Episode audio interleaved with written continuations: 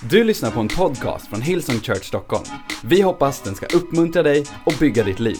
För att få mer information om Hillsong och allt som händer i kyrkan, gå in på www.hillsong.se.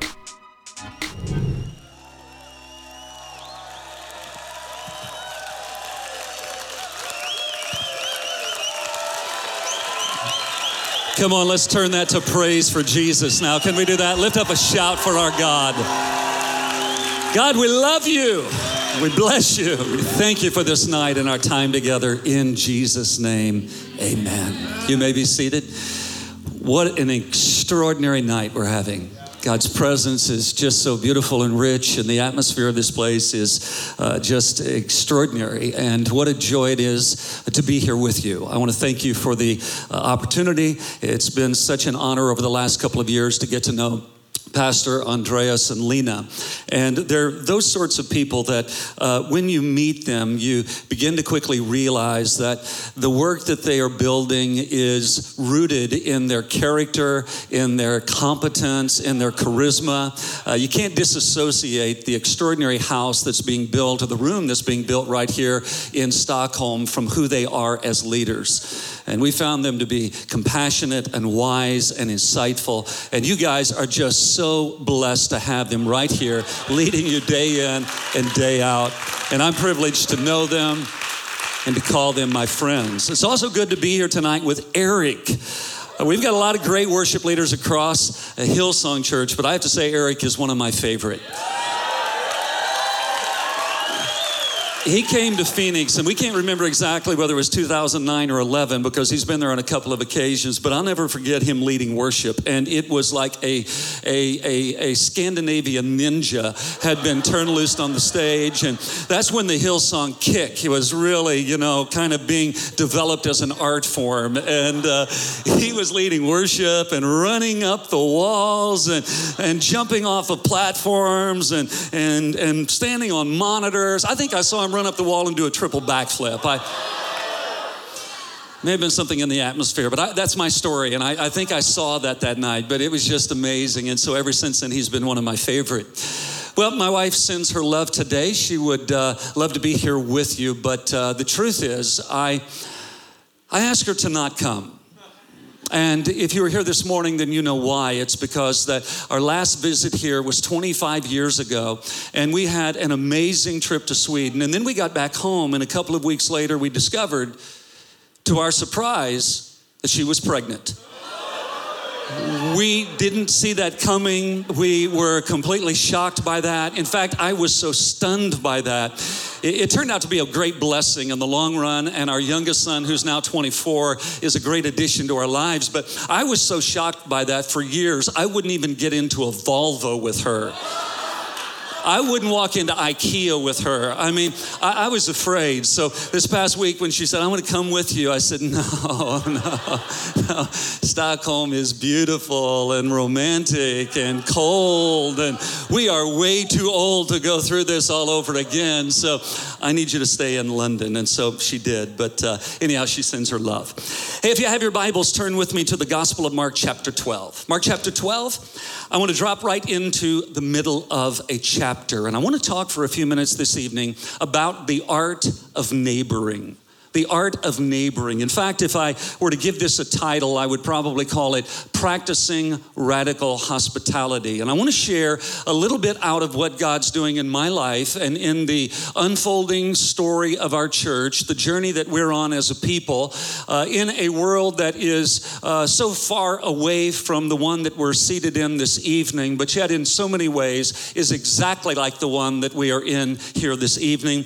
And I want to talk about how all of this relates back to our mission as followers of Jesus in the modern age. Mark chapter 12, beginning with verse 28, dropping right into the middle of the chapter. I'll come back in a few moments and cover the preceding verses, and then I'll take you forward to take a look at that which follows after. But let's just anchor this right here in the center portion in the words of Jesus. Mark 12, verse 28, one of the teachers of religious law, some translations say a lawyer, was standing there listening to the debate. The debate. It's probably just me, but that word sends chills down my spine in light of what we're going through in America right now. We are in one of the most heated political cycles that I can ever remember.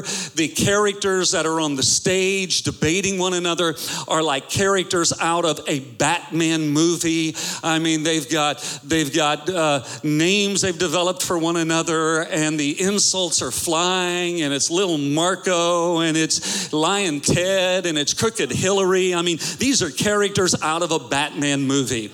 And I just almost feel compelled to go on a world apology tour on behalf of America and behalf of Jesus and just say to all of you, I am sorry Uh, you won't be bombed. We may wake up one morning and there may be the Trump sign on the front of the White House. I don't know how what that's going to look like, but I have this confidence that in spite of everything, Jesus is in control. But the word debate sends chills down my spine. One of the teachers of the religious law was standing there listening to the debate. He realized that Jesus had answered well, so he asked, Of all of the commandments, which is the most important? Jesus replied, The most important commandment is this Listen, O Israel, the Lord our God is the one and only Lord. And you must love the Lord your God with all your heart, all your soul, all your mind, and all your strength. The second one is equally important. Everybody say equally. equally. Not secondary, not subsequent to, but equally important. Jesus ranks this up on an equal level with Shema Israel, with this sense of, of revelation that our most important assignment in life is to love God with every fiber of our being. But then when it comes to our neighbors, He doesn't relegate them to some secondary experience in our lives, in our world, in our affection, in our attention, or in our devotion, but He elevates the status of people who are far from God, and he says the second is equally important. Love your neighbor as yourself. No other commandment is greater than these.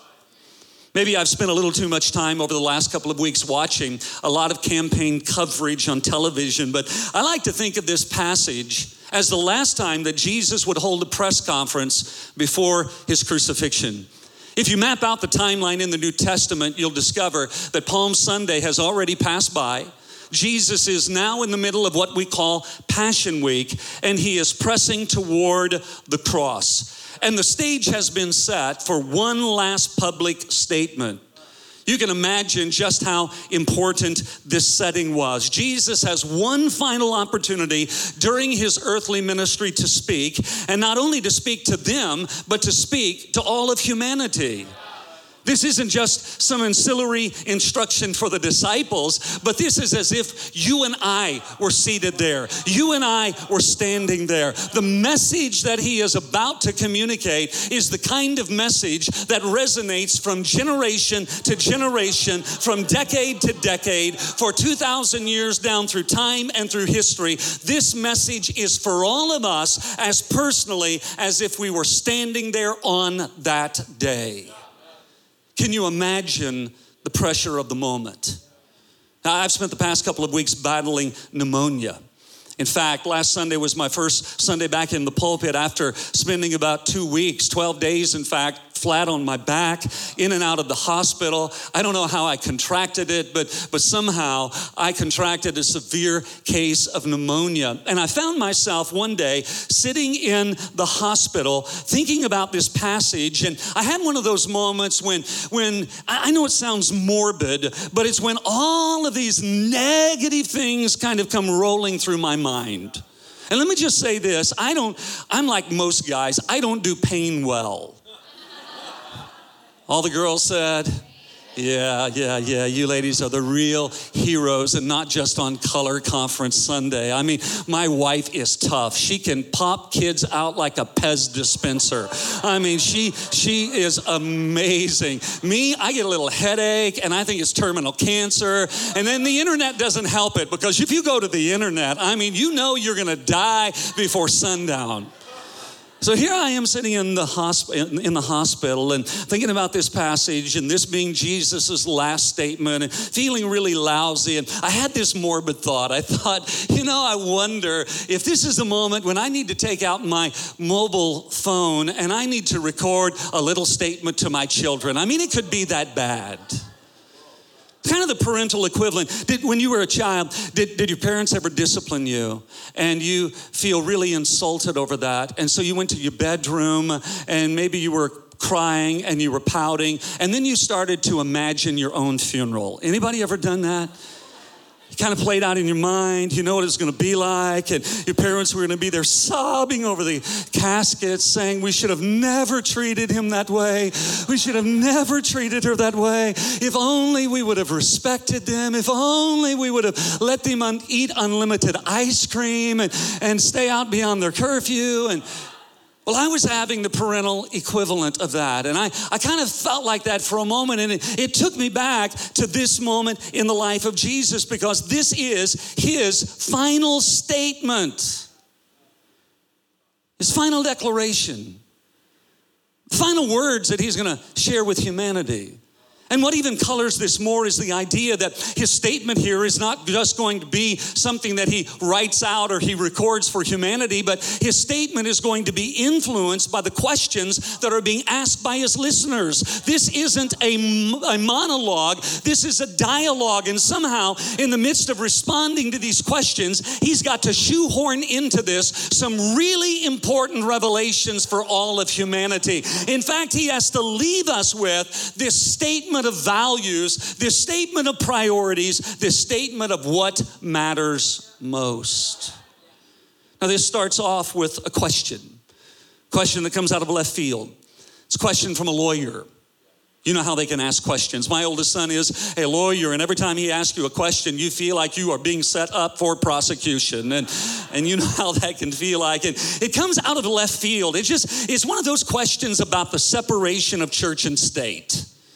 It's a question like we hear a lot about today. Here's the question Should we pay taxes to a government that spends our money for unrighteous purposes? I think it's funny how Christians have been asking the same questions that Jesus answered for 2,000 years now. Here was his response He said, Whose picture is on the coin in your pocket?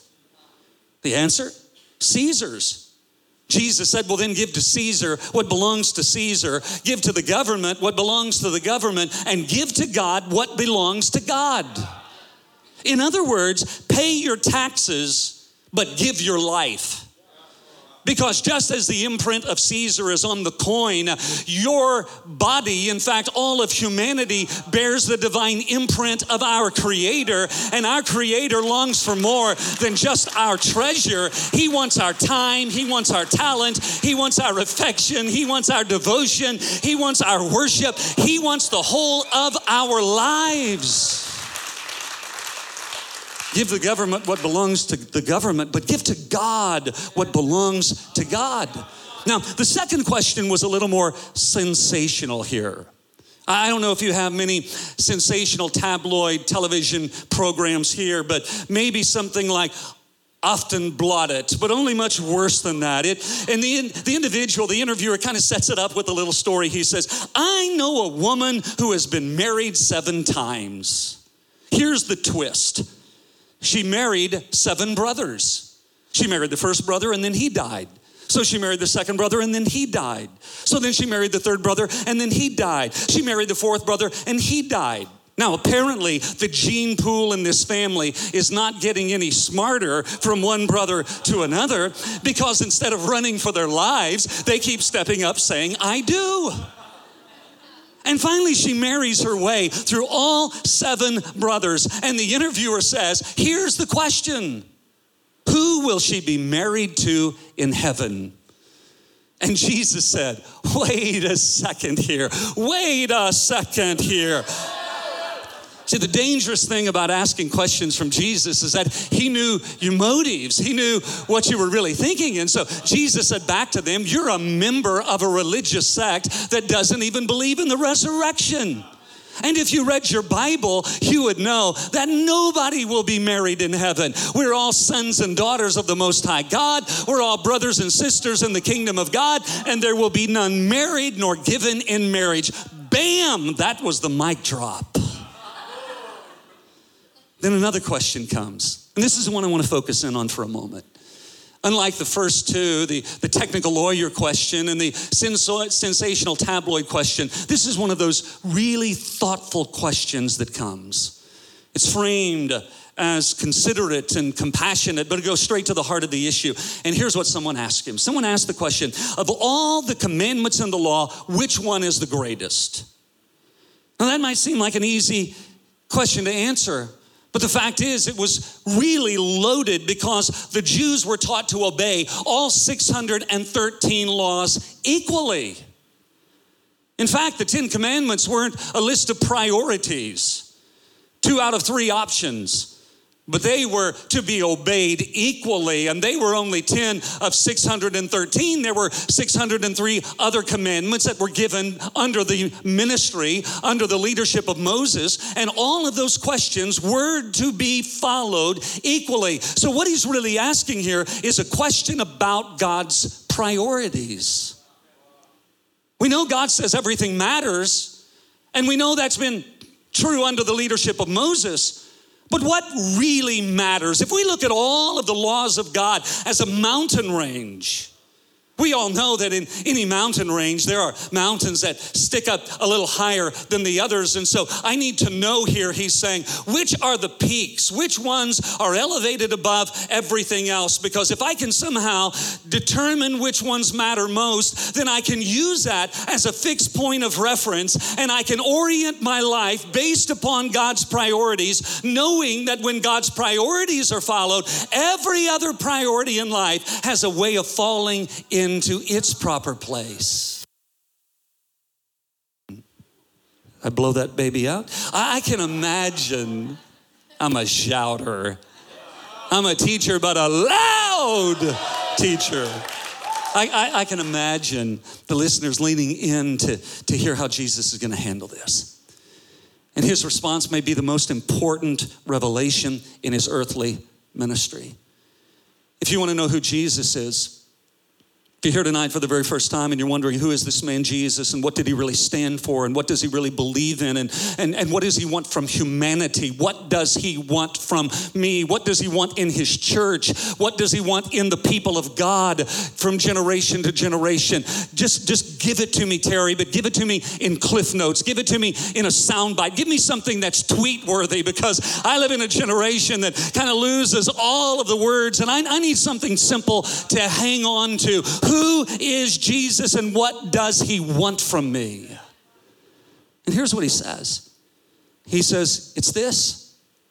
You can make it more complex, you can make it more complicated, but it's this simple. You shall love the Lord your God with all of your soul, and with all of your mind, and with all of your heart, and with all of your strength. And the second is, You shall love your neighbor as yourself all of God's law, all of God's prophets, all of God's priorities, all of God's commandments are summarized in those two things. In other words, everything matters in the Bible, but these are the ma- ideas that matter the most. In fact, everything rests on these ideas.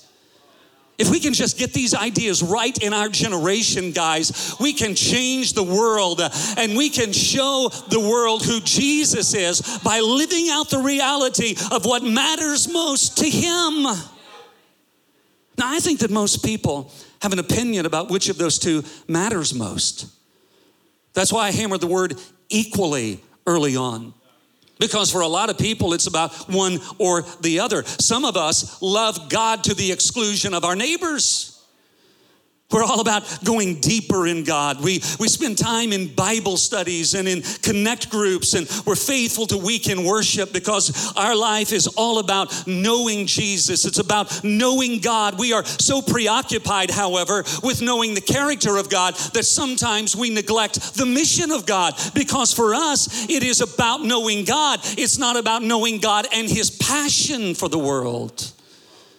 On the other end of the spectrum, there are people who are more concerned with the world around them than they are in knowing God. They love their friends deeply. They judge others lightly. But when it comes to knowing God deeper, that's not really a priority for them. So they are hit and miss in weekend worship, and they never really engage in the community of a church, and they never really dig in deeper. But on the other hand, they love their friends. When it comes to loving God, they rank loving God somewhere between uh, recycling and standing for justice. But when it comes to loving their friends, they are all in when it comes to their friends. We tend to make it one or the other, but Jesus doesn't.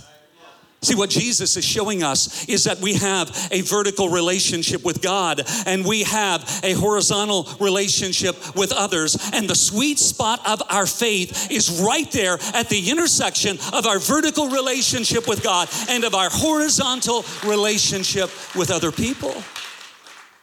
That's the sweet spot of our faith. If we can find that sweet spot and live that reality out, the world will see and the world will know. Now, when Luke records this conversation in his gospel, he also adds a follow up question that Mark doesn't record in his shorter book. And so let me now go from Mark over to the gospel of Luke and, and let's follow the storyline a little further because after Jesus said, This is what your priorities are to be in life, then someone spoke up and said, Wait a minute. If I'm to love my neighbor as myself, then who is my neighbor? Who is my neighbor? That really is a, a significant question. It sounds so flippant, uh, and yet it masks a deeper issue. You see, this debate has raged for centuries over who my neighbor is. And, inside joke, because Mr. Rogers wasn't there to answer the question of who neighbors were, they formed conflicting opinions about who a neighbor was.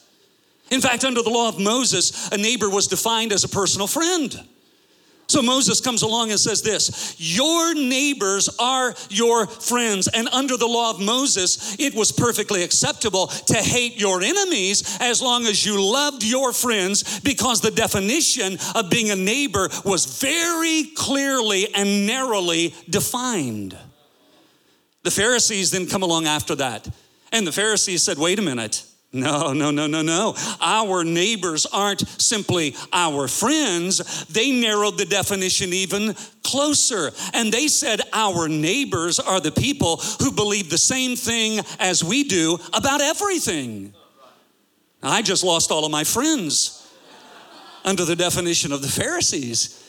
But the Pharisees said, Moses said, this is the definition, but we're narrowing it because we want to make this an insiders club for people uh, who live like us and think like us and believe like us. And we don't want to risk contamination in our environment. We don't want people who are unlike us in their sexuality or in their religious observation or in their devotion, who don't understand God the way we understand God. So, what we're going to do is we're going to close the club to anybody who doesn't have the right wristband, and we're going to only allow people in here who are not only our friends, but they also believe what we believe, right down to the smallest details of what we believe. That's why Jesus comes along. What does Jesus do? He takes the definition of the Pharisees, he takes the definition of the law of Moses, and he expands it in the other direction. And Jesus says this in the Gospel of Luke. In fact, Matthew chapter 5 and verse 43, he said, You have heard it said, You shall love your neighbor and hate your enemies. But I say to you, love your enemies. What is he doing? He's expanding their view of the neighborhood, and he's showing us that when we love our enemies, we see them as our neighbors. When we love those who are not just far from us geographically, but far from us demographically, we show the world a new way of living. So, this question of who my neighbor is masks a deeper issue. And here's the issue I'm going to get in and mess it up for a few minutes in the time I have. The real question is this Do I have to love people who aren't like me? Do I have to love people who don't have the same skin color as I do? Or live in my zip code? Or worship my God? or share my beliefs about sexuality? In other words, am I responsible, Terry? Am I really responsible for the world around me? Am I my brother's keeper? This is an issue that is raging around the planet. And in our nation right now, it is at the forefront when it comes to issues of, of sexuality and marriage. And when it comes to the issues of immigration, it's raging across Europe. It is raging around the planet. And we are finding ourselves right now in the center of this. But deeper than those surface issues is the question are we going to love this planet and care for this planet and pour our lives out for this planet and give our lives? For humanity? Are we going to be a people who love unconditionally, even when we're despised and rejected, when people ridicule our beliefs, when people look down on our morality? Are we going to close off the club or are we going to open it to people and say, Welcome to belonging, even before you believe? Because ultimately, it's being loved, in being loved, that you are transformed. Whew, is this okay, Pastor Andreas? I'll leave you with 12 basketfuls and you can pick it up and fix it up after I'm gone. Knowing this to be an issue, Jesus then rolls into this story. By the way, this I'm now getting to my sermon. It's like a 20 minute introduction followed by a nine minute sermon. Here, here's the sermon Luke chapter 10 and verse 30. Jesus then replied, Question, love your neighbor as yourself. Second question, who is my neighbor? Now Jesus rolls into a story. And here's the story. He said, A Jewish man was traveling from Jerusalem down to Jericho, and he was attacked by bandits. They stripped him of his clothes, they beat him up, and left him half dead beside the road. By chance, a priest. Everybody say a priest? priest. Come on, say it like you were one. Priest came along. I like the way you guys, you guys don't speak in soft terms. It's like, rah, for Jesus. Priest came along and when he saw the man there he crossed he crossed he crossed. He didn't he didn't miss him. It wasn't it wasn't something that just happened but he intentionally crossed to the other side of the road and passed him by. A temple assistant, some translations say a Levite, walked over and looked at him. He actually had the audacity to walk over and look at him, and then he crossed and went along the other way. Then a despised, everybody say despised, a despised, a despised, a despised Samaritan came along, and we, and he saw the man, he felt compassion for him. Going over to him, the Samaritan soothed his wounds with olive oil and wine and bandaged them. Then he put the man on his own donkey and took him to an inn where he took care of him. The next day he handed the innkeeper two silver coins, telling him, Take care of the man, and if his bill runs higher than this, if he orders room service and watches cable TV and puts a movie on the room bill, I'll pay all of that the next time I'm here. Now, here's the question. Which of these three would you say was a neighbor to the man who was attacked by bandits. This story is at the core of God's concern. This story is at the core of Jesus' passion for humanity. And you know it, but let me just take a moment to shed some new light on it. There are four characters in the story. First, the man who is traveling from Jerusalem to Jericho. It is a 17 mile journey. Jericho was a city of about 12,000 priests, and these priests went back and forth to Jericho and Jerusalem. And this man happened to be traveling on this 17 mile stretch of road. It was 17 miles of the most dangerous territory in the ancient world 17 miles of violence and oppression, 17 miles of pain and suffering, 17 miles filled with bandits and terrorists. In fact, so many people were mugged and robbed and beaten on this road that it came came to be known as the way of blood in the ancient world. Last week, when I was fighting pneumonia laying in bed, I did what most people do.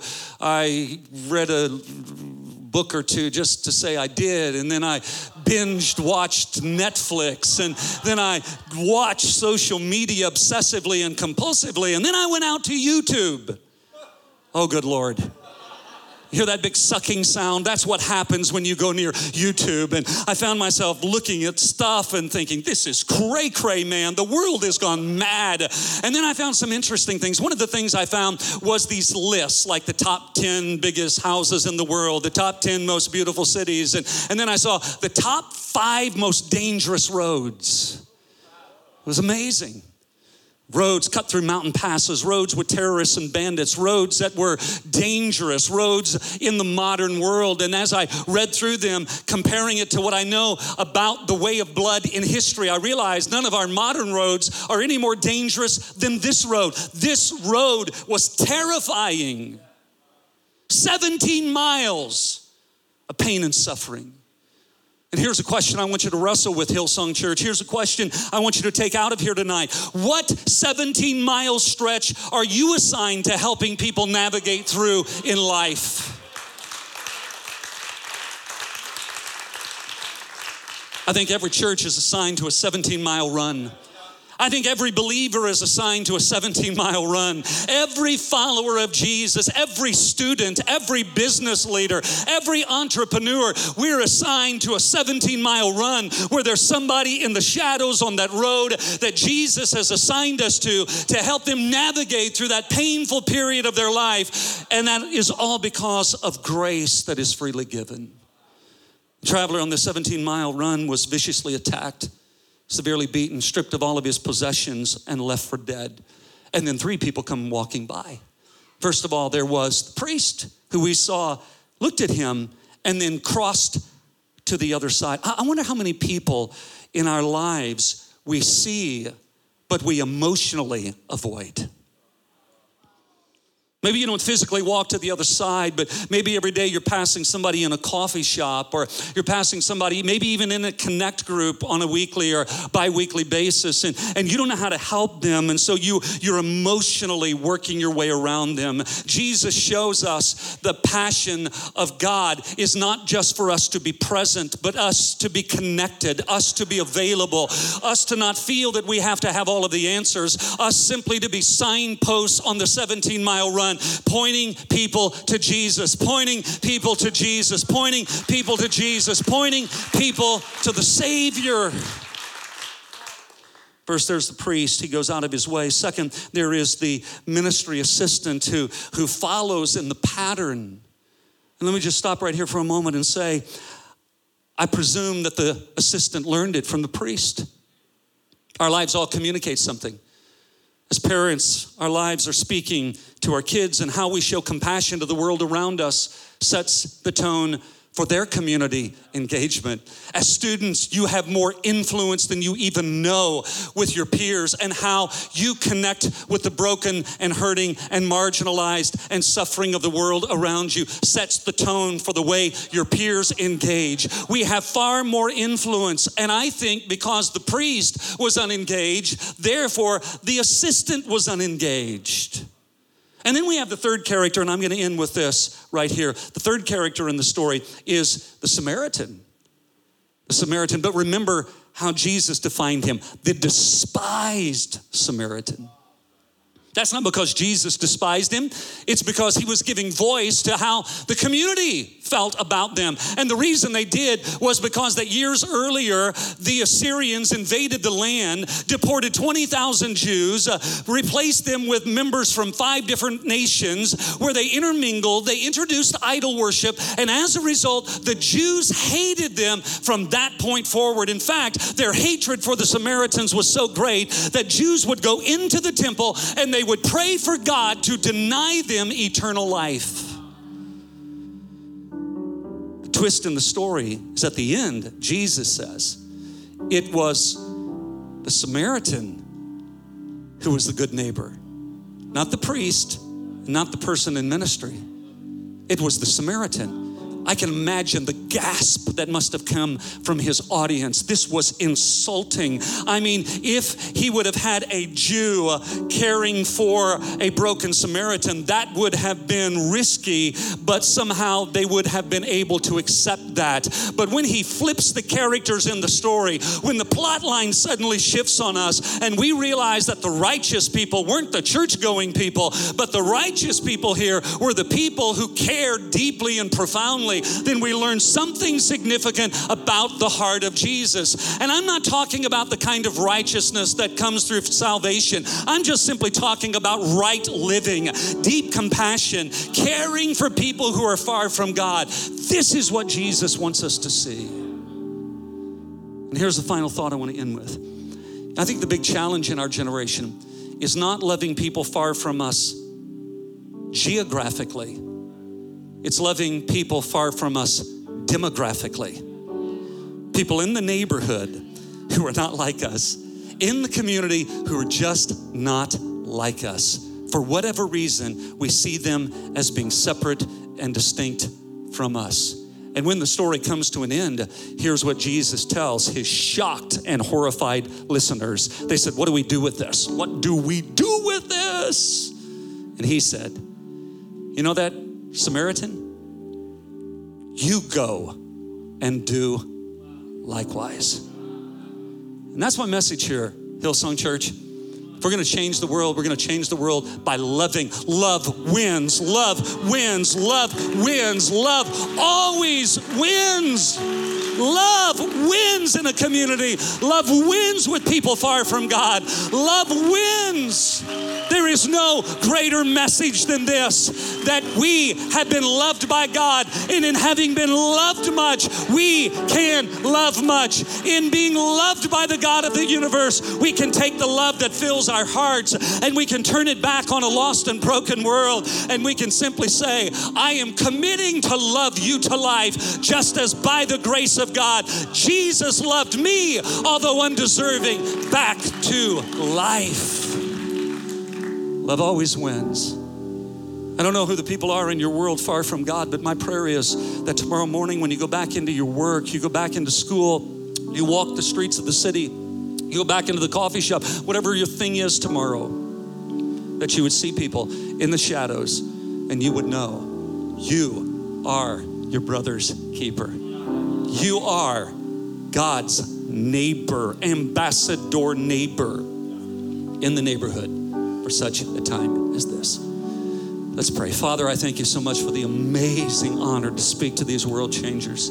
Thank you, Lord, for Pastors Andreas and, and uh, the team here. Thank you for this extraordinary extraordinary life-giving church that's being built. God, I just pray that this church would would find your heart on full display for this community and would love like never before. I pray for the sisterhood on this Color Sunday. I pray for Pastor Lena's leadership. I pray that you would put wind in their sails and I pray that the heart of Hillsong Church in Stockholm would be a loving heart pulsating to the rhythm of heaven and shining the way home for tens of thousands thousands of people right here in this community.